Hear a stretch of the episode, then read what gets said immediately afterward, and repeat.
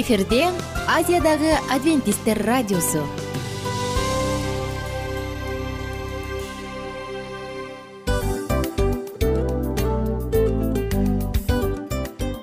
Достор салют. Баардык сүйүктүү угармандарыбызга салам айтабыз. Кутман күнүңүздөр менен. Ден соолук өмүрдүн булагы демекчи саламат саамы программасында баарыңыздарды көргөнүбүзгө абдан кубанычтабыз. Анда алгач амандашып өтөлү арбаңыздар деп. Ден соолугуңуздар кандай элибизде көбүнчө ден соолук кандай дегенде эле жакшы деп жооп беребиз э? ооруп турсак дагы жакшы дейбиз. Анан мен муну айтып ойлойт элем бул абдан сонун сөз депчи анткени бул жакшы деген үмүт да э баары жакшы болот баары сонун. Үмүттөнүп атып эле өзүбүздү өзүбүз дарылап коебуз. Анысы кандай сиздин дагы ден соолугуңуз жакшы беш деген үмүттөбүз чындыгында ден соолук бул өмүрдүн булагы деп бекеринен айтылган эмес деп ойлойм. Кыргыз элинде анткени эгерде ден соолук жок болсо анда адамдын жашоосунда калган баардык керектүү маңыздуу нерселер өзүнүн баалуулугун жоготуп коет. Ошондуктан ден соолук бул эң керектүү нерсе. Ооба туура айтасың кесиптешим. Чынында ден соолугуң жок бир эки үч күн ооруп калсаң эле э кандай болуп калат? Жашоодо көз каранды болуп каласың көп нерсеге жетишпей каласың көп нерсени кыла албай каласың жада калса эшикке дүкөнгө да чыга албай каласың. Туптуура анан ден соолук болсо демек биз биздин бактыбыз тотой деп койсок болот. Анда достор саламат рубрикабызды баштайлы. Алдыда өзүңүзгө керектүү болгон сонун кеңештерди уга аласыздар. Мына ошондуктан биз менен бирге болуңуздар. Ал эми биз болсо милан жана айнура. Кеттик алга. Алга саламат саама ден соолуктун жарчысы. Саламат саама ден соолуктун ачкычы. Күн сайын сиз үчүн мыкты кеңештер сонун жаңылыктар кызыктуу фактылар биздин рубрикада.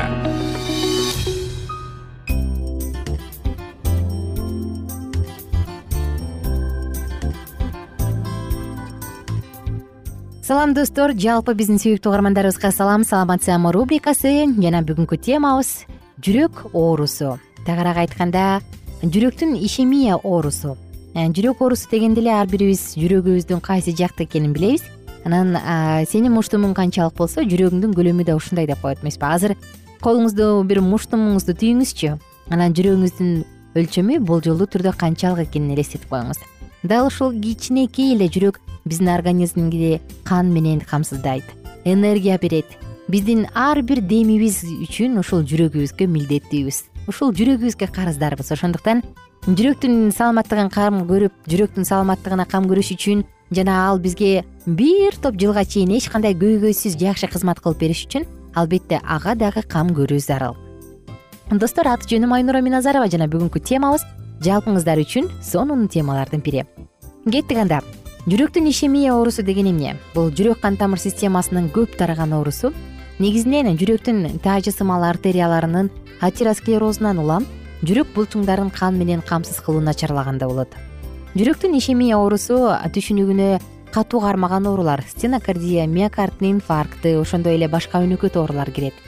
Мындай өзгөрүүлөр кан тамырдын атеросклерозунан улам болгондуктан кардиосклероздун бул түрү атеросклероздук деп аталат.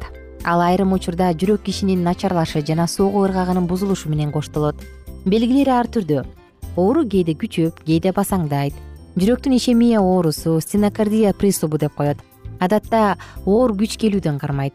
Мындай абал көп жылга созулат да кийин тынч абалда дене деле кармай берет. Оору кармаганда миокарддын инфаркты пайда болот коркунучу туулат.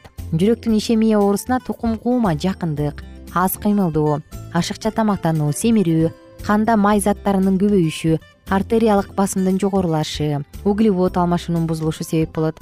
Тамеки тарткандар көп ооруй тургандыгы далилденген. Өтө чарчап чалыгуу психикалык оорулар да организмге күч келтирери белгилүү. Баарынан мурда тамакты мүнөздөбүчү семирбөө мал майын жана жакшы сиңиргенүүчү углеводдорду кеп жебөө. Ичкиликтен баш тартуу тамакка өсүмдүк майын жана с витамини менен б тобундагы витаминдерди көбүрөөк кошуу талапка ылайык булардын баары жүрөктүн ишемия оорусун алдын алуу чаралары болуп эсептелет.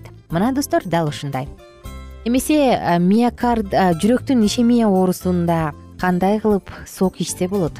Кандай сок пайдалуу? Була ушул жөнүндө айталы коронардык артерия бул жүрөктү азыктандыруучу коронардык артериялар сөзсүз түрдө жакшы антиоксиданттарды алышы керек. Мына ошондо алардыга аларда кан жүгүрүү жакшы болот эми жүрөктүн саламаттыгы үчүн сок. Кадимки эле тармал капуста кале кале деп аталган тарман капуста бул грюнкаль деп да коет. Мында качан болбойт? Бул брокколи менен катар эле эң кеңири изилденген жана абдан пайдалуу капусталардын бир түрү. Анын касиети дарылык касиети абдан эле зор ён сейнс университети сеулда түштүк кореяда изилденип ён сейнс университетинин окумуштуулары мындай дешет. Эгер адам күнүнө жүз элүү миллилитр кале согун ичип тура турган болсо анда он эки жума бою ичсе анын холестериндин деңгээли калыпка келет нормалдаштырат. Жана канда липидтердин баардыгы тең нормалдаштырылат дейт. Мунун натыйжасында антиоксиданттар көбөйөт дагы. Адам э, жүрөк ишемиялык ооруларына жана жүрөк приступуна кабылбайт дейт. Караңыздарчы кандай гана керемет сок. Эми биз кан тамырлардын коргоочуларын айта турган болсок кале согу кадимки эле кокос сүт менен лаймдын сүтү согу менен абдан сонун ишрелишет анан булардын баардыгы тең жүрөктүн артериясын мыкты коронардык артериясын коргошот. Ошондой эле мындай сок өтө эле төмөн калориясы төмөн жана калориясы төмөн болгону менен анын дарылык касиети зор. Каледен жасалган соктун касиетин айта турган болсок артерияларды коргойт жүрөктү коргойт сезгенүүгө каршы тазалайт жана ракка каршы мыкты суусундук анын курамында к витамини с витамини а витамин фалат магний кальций темир жана селен бар. Ингредиенттер эки порция үчүн эки жүз элүү миллилитрден эки порция үчүн. Эки чашка каледи эки чашка калени тандап аласыз. Анын катуу жана сөңгүктөрү болбосун. Ар бири алтымыш жети граммдан болсо болот. Аны эгерде мындай кале жок болуп кала турган болсо кытай капустасы менен алмаштырып коюңуз. Бир жарым чашка кокос сүтү жана ошондой эле бир жаңы сыгылган лайм. Муну лимон менен дагы алмаштырып койсоңуз болот. Эми аны даярдай баштайлы. Калени соковыжималкага салыңыз аганын үстүнө лаймды сыгыңыз. Андан кийин ага кокос сүтүн жана лаймдын ширесин кошуңуз. Анан албетте бир аз даамын чыгарыш үчүн таттуу кылыш үчүн табигый таттуулук даам берүүчү бир нерсе кошуп койсоңуз болот. Анын баарын аралаштырыңыз дагы мындай ширени ичип алсаңыз болот мына достор дал ушундай ыкмалар бар сиз үчүн. Мындай ыкмаларды колдонуу менен бирге албетте саламаттыгыңызды чыңдап өзүңүздүн ден соолугуңузга кам көрүңүз. Жүрөк оорулары жөнүндө дагы айта турган болсок чындыгында тилекке каршы акыркы убакта жүрөк ооруларынын абдан эле көбөйүп кеткенин байкайбыз э. Эң эле көп тарап бараткан учуру. Ишемия оорусу өзгөчө. Адам ооруп калса эле ии жүрөгү ооруч экен ии жүрөк экен деген нерселерди көп угат эмеспизби ишемия бул орган же тканды кан менен камсыз кылуучу артериянын ичкириши же бүтөлүп калышынан ошол жерге кандын жетишсиздиги экен караңызчы.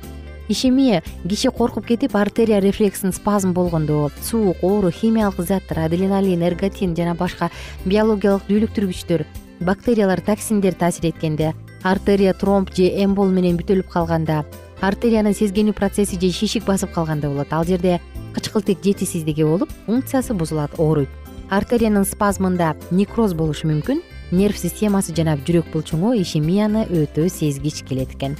Жүрөктүн ишемия оорусу дагы эте эле көп тараган негизинен жүрөктүн таажы сымал артерияларынын атеросклерозунан улам жүрөк булчуңдарын кан менен камсыз кылуу начарлаганда болот. Ошондуктан достор жүрөктү кан менен жетиштүү э, камсыздаш үчүн көп кыймылдаш керек. Суюктукту сууну көп ичиш керек. Жана биз жогоруда айтылган жүрөктүн саламаттыгы үчүн керектүү болгон капуста ширесин ичип туруңуз. Оорубаңыздар бар болуңуздар сиздин байлык ден соолук. Ден соолугуңуз дайыма сиз менен бирге болсун.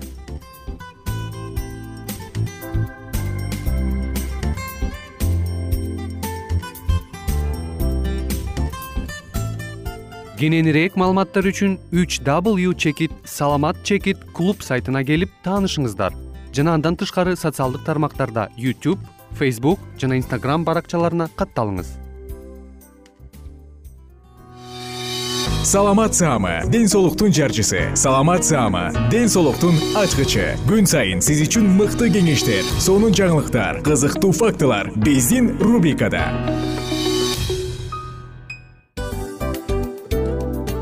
Салам достор. Кайрадан биздин сүйүктүү рубрикабызга кош келиңиздер деп айтмакчыбыз баардык замандаштарыбызга арбаңыздар деп саламыбызды айтабыз. Улуу ушундай бир э, урматтаган учурашуу менен анан дил маек радио баракчабызга чакырабыз. Негизи дил маек биздин рубрикабызда эмне жөнүндө кеп кылабыз бул дил маектин мааниси эмнеде рубрикабыз менен кичине тааныштырып кетсеңиз. Сөзсүз түрдө тааныштыра кетейин. Кесиптешим суранычы боюнча бул учурда бул радио баракчада биз ар тарап кесип ээлеринен сонун кеңештерди алабыз сүйлөшөбүз сырдашабыз. Аталарыбыздын эжелерибиздин апаларыбыздын кеңештерин угабыз. Айтор жан дүйнөгө адамдын э, сапатына адамдын деги эле адам болуп жашашына керектүү баардык кеңештер алдыда. Негизи э, дил маек дегенде баягы эки адамдын ортосундагы сырдашуу кенен сүйлөшүү. Негизи эле биз адамдар бири бирибиз менен бир жерге жай жерге отуруп алып өзүнчө тынч жашоо жөнүндө өмүрүбүздө эмне болуп атканын бөлүшкөнү жакшы көрөбүз э адамдар. Ооба туура айтасың анан мындай учурга кээде убакыт да жетпей келет э? Же болбосо сырыңды кайгыңды муңуңду кубанычыңды айткың келет а адамга ишенбешиң мүмкүн. Ооба. А бул радио баракча угармандарыбыздын чыныгы досу анткени бизден алган кеңеш сиздин жашооңузга чоң жардам берет. Ал эми сиздин бизге айта турган сөзүңүз ортодо гана сыр бойдон калат. Ошондуктан биздин дил маек рубрикабызга дагы бир жолу кош келиңиздер. Жана биз даярдаган маалыматтарга даяр болуңуздар.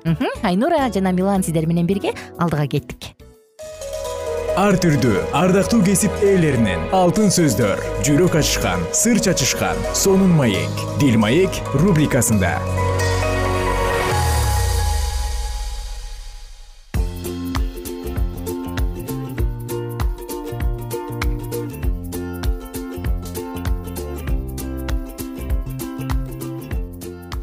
Салют достор кандайсыздар угармандар? Жалпыңыздар менен кайрадан дал ушул саатыбызда үн алышканыма кубанычтамын. Бүгүнкү күн сиз үчүн сонун күндөрдөн болсун.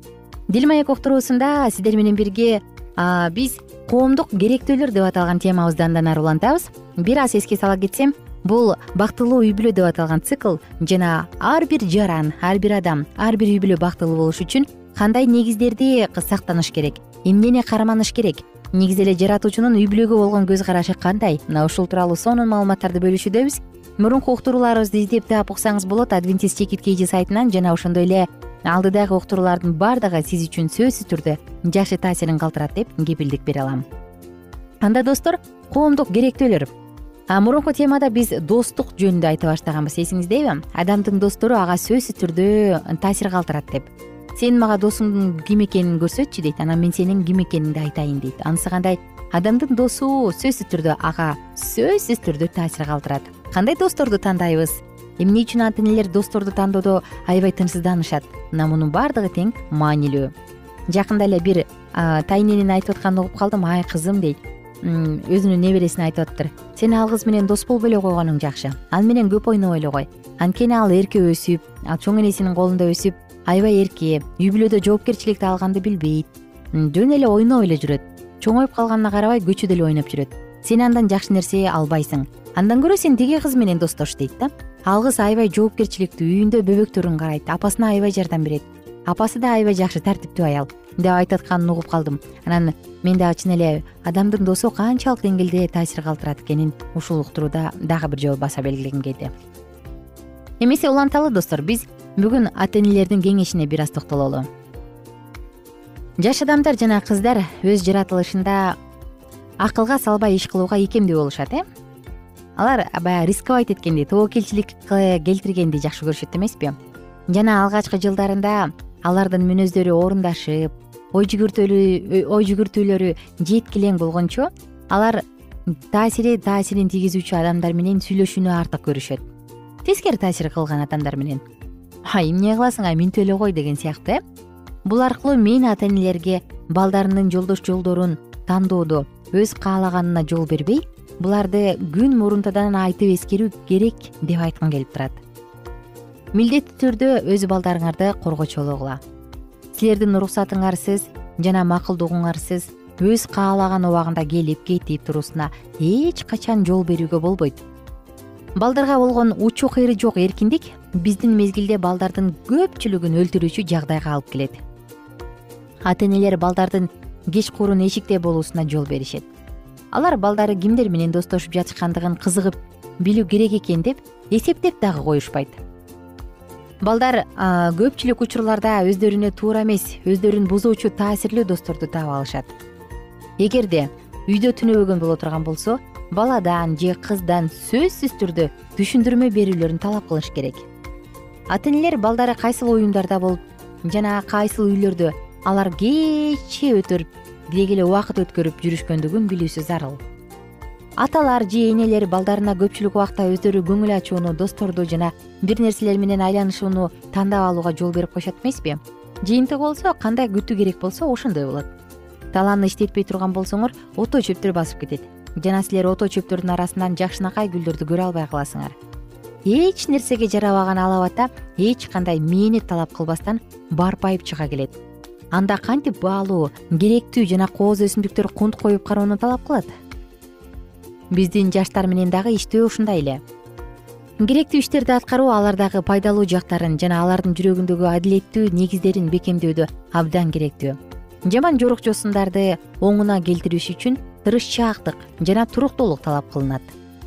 Чектүүлөр бекем бирок адилеттүү болушу керек. Ата энелер өз балдарынын зыяндуу жактарына жол бербеши керек. Бирок аларды мээримдүү жана сүйүү менен кармашсын. Балдардын өздөрүнүн каалаган жана как жарып өтүүчү агымы менен агып кетишине жол берүү кажет эмес. Эч ким мындай баардык коркочолоолорду жана кеңештерди четке кагып билгиси келбеген балдар сыяктуу коркунучка кабылышпайт. Балдарды кыйынчылыктарды тосуп жана аларды өзүн өзү карманып жеңе билүүгө окутуп жана тарбиялоо керектүү. Эгерде алар өздөрүнө болгон коркунучтарды алдын ала ниет кылып өткөрүп коюшса анда кокустуктан жаман уюшмаларга кабылып кала турган болушканда өз мүнөзүнүн күчтүүлүгүнүн аркасында өз ой максатына туруп калышат. Эми биз бир аз болсо дагы меймандостук жөнүндө сөз кылсак ыйык жазуу милдеттүү түрдө меймандостук көргөзүүнү баяндайт. Меймандостукту унутпагыла анткени ал аркылуу кээ бирөөлөр билишпей периштелерди кабыл алышкан деп жазылган еврейлер жазган катта кээ бирөөлөр өздөрүнүн ден соолугунун начардыгына шылтоо кылышат алар эгерде алардын күчү болгондо кубануу менен меймандостук көргөзөт элек деп актанып коюшат э? Силер үчүн ден соолуктун алсыздыгынан запка жегендер бир дары бар. Ак киши менен өз наныңды бөлүш. Жана каңгыма жардыларды үйүңө алып кир. Жылаңачты көрсөң ага кийим кийгиз. Да өз элдешиңен жашынба ошондо сенин жарыгың таң сымал ачылат. Жана сенин сакайганың тездетилет сенин чындыгың алдыңдан өтөт дагы теңирдин даңкы сени коштоп жүрөт. Жакшы иштер оорулардан сакайтуучу мыкты дары дармек ким өзүнөн өзү түнт болсо ким мейман кабыл алууга жакындыгы жок болсо анда ал көп баталардан кургул калып калат. Меймандостук сапаты өлө турган болсо жүрөк өзүмчүлдүк шал оорусу менен жарадар болот караңыздарчы достор мына ошондуктан меймандостук көргөзүү жана балдарды ушул нерсеге үйрөтүү канчалык деңгээлде зарыл. Достор бул уктурууда дос жөнүндө сөз кылдык ата эненин кеңеши жөнүндө ата энеге кеңеш айтылды жана меймандостук жөнүндө сөз болду. Кээ бир учурда биз билбей эле периштелерди коноктоп коет экенбиз. Караңыздарчы мына ошондуктан мейманга эч качан эшигибиз жабык болбосун. Муктаж болуп турган адамга бир чөйчөк суу берсең бул жаратканга суу бергенге барабар жардам берсең демек жаратканга кылганың. Ошондуктан жүрөктөрүбүз жакшылык үчүн ачык болсун. Балдарыбызды туура кудайдын коркунучунда кудайдын сүйүүсүндө тарбиялаганга жаратканыбыз күч берсин. Кийинки уктурууда достор дем алуунун зарылдыгы жөнүндө сөз кылабыз мына. Ошондуктан кийинки уктурууда эс алууну жакшы көргөндөр бар болсо баардыгыңыздарды чакырабыз. Кайрадан амандашканча сак саламатта туруңуздар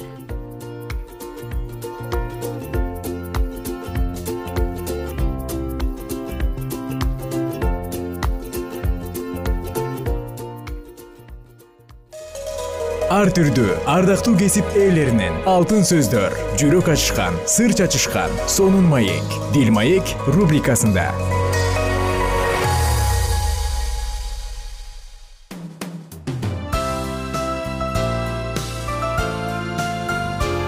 Эфирде азиядагы адвентисттер радиосу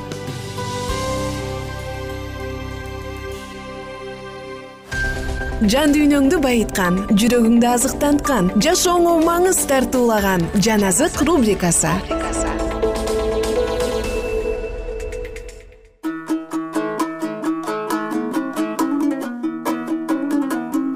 Саламатсыздарбы кадырлуу ата апалар ага энелер эже сиңдилер жалпыңыздар менен жан азык уктуруусундабыз.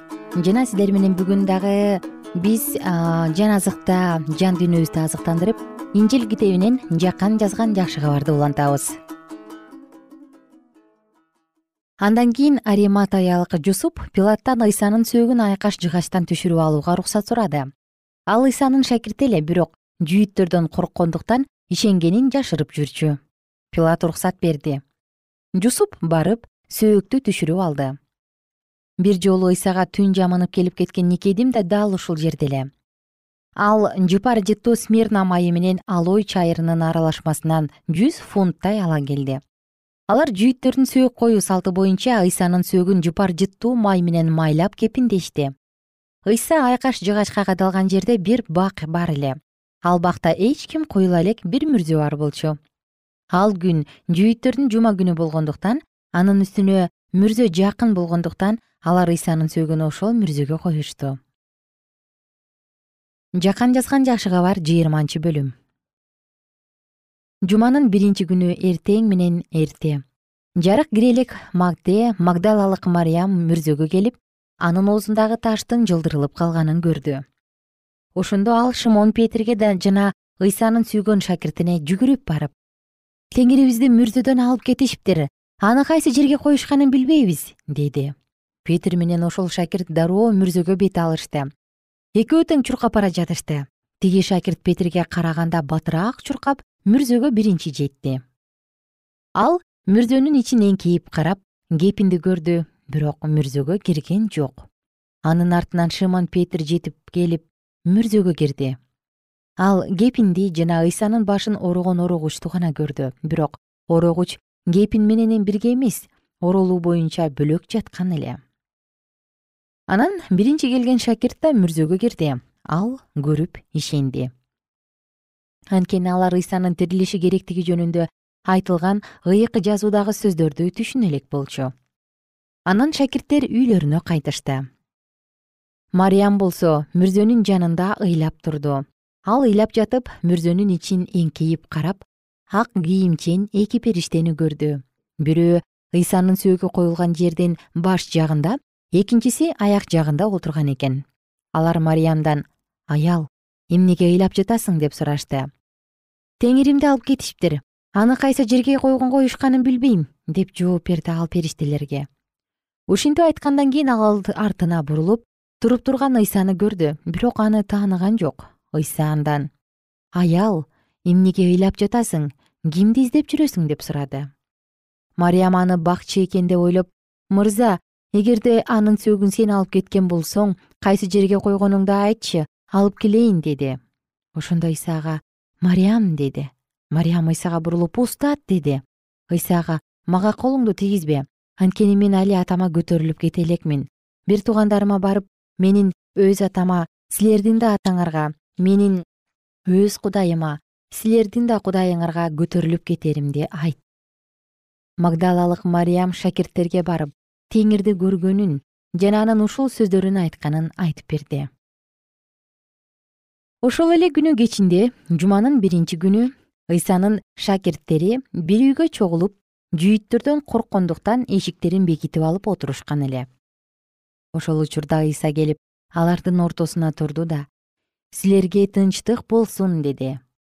Ушинтип айткандан кийин ыйса аларга өздөрүнүн колдорун буттарын жана кабыргаларын көрсөттү шакирттер теңирди көрүп кубанышты ыйса аларга дагы бир жолу силерге тынчтык болсун деп айтты да атам мени жиберген сыяктуу мен да силерди жиберем деди. Ушуну айткандан кийин ал шакирттерине демин үйлөп ыйык рухту кабыл алгыла. Кимдин күнөөлөрүн кечирсеңер ал кечирилет. Ал эми кимдин күнөөлөрүн кечирбесеңер ал кечирилбейт деди. Он эки шакирттин бири эгиз деген да ысымы бар томас ыйса келген учурда алардын арасында жок эле. Шакирттер ага биз теңирди көрдүк дешти бирок ал мен анын колдорундагы мыктын мыктын тагы калган жерине жана кабыргаларына колумду тийгизип көрмөйүнчө ишенбейм деди. Сегиз күндөн кийин ыйсанын шакирттери ошол үйгө дагы чогулушту. Алардын арасында томас да бар эле. Эшик бекитилүү болчу бирок ыйса келип алардын ортосуна турду да силерге тынчтык болсун деди. Андан кийин томаска кайрылып менин колдорум менен кабыргаларыма колуңду тийгизип көр да ишенбеген адам болбой ишенген адам бол деди. Томас ага теңирим менин кудайым менин деп жооп берди. Ыйса ага сен мени көргөндөн кийин ишенип жатасың. Көрбөй ишенгендер бактылуу деди ыйса шакирттеринин көз алдында көптөгөн кереметтерди көрсөттү. Бирок бул китепке алардын баары жазылган жок.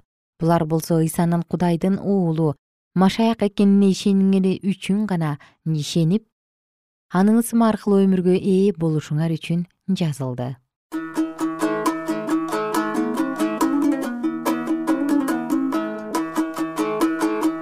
кымбаттуу угарманыбыз бүгүн сиздер менен бирге биз дагы жакан жазган жакшы кабардан жыйырманчы бөлүмдү окуп өттүк.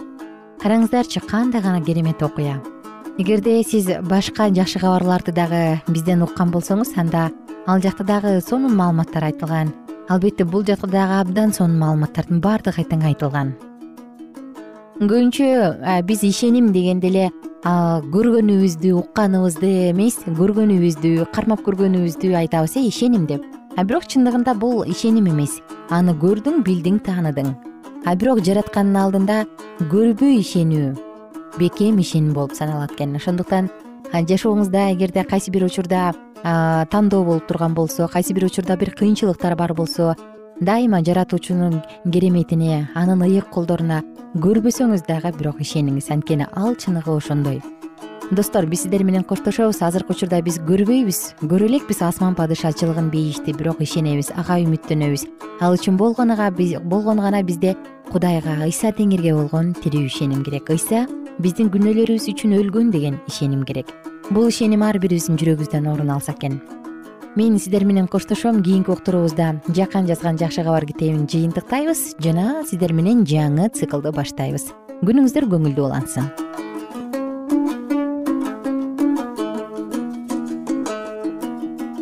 Эгер сиздерде суроолор болсо же көбүрөөк маалымат билем десеңиз анда биздин whatsapp номерибизге жазыңыз. Плюс бир үч жүз бир жети жүз алтымыш алтымыш жетимиш. Кайрадан плюс бир үч жүз бир жети жүз алтымыш алтымыш жетимиш.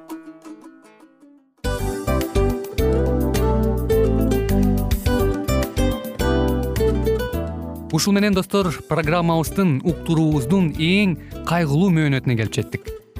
Кайгылуу дегенде ыйлагым келип кетти кесиптеш. Кадимкидей. Анткени баягы учурашасың анан коштошуу учур келгенде ии кантип ии эми бат баттан келиптир э сагындырбай деп атып араң коштошобуз го анысы кандай? Угармандарыбыз менен коштошчу учур келди. Кийинки уктурууларды сагыныч менен жүрөгүбүздө кусалык менен күтөбүз жалпыңыздарды. Анан жарым сааттык уктуруу көз ачышым канча өтүп кетти. Сөзсүз.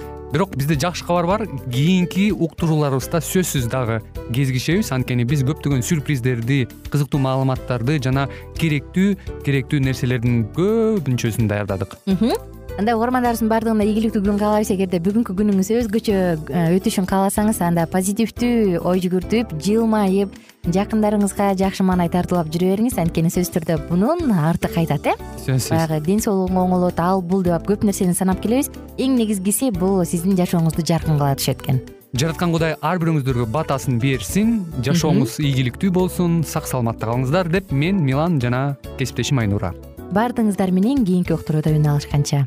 Баарыңыздарга ийгилик каалайбыз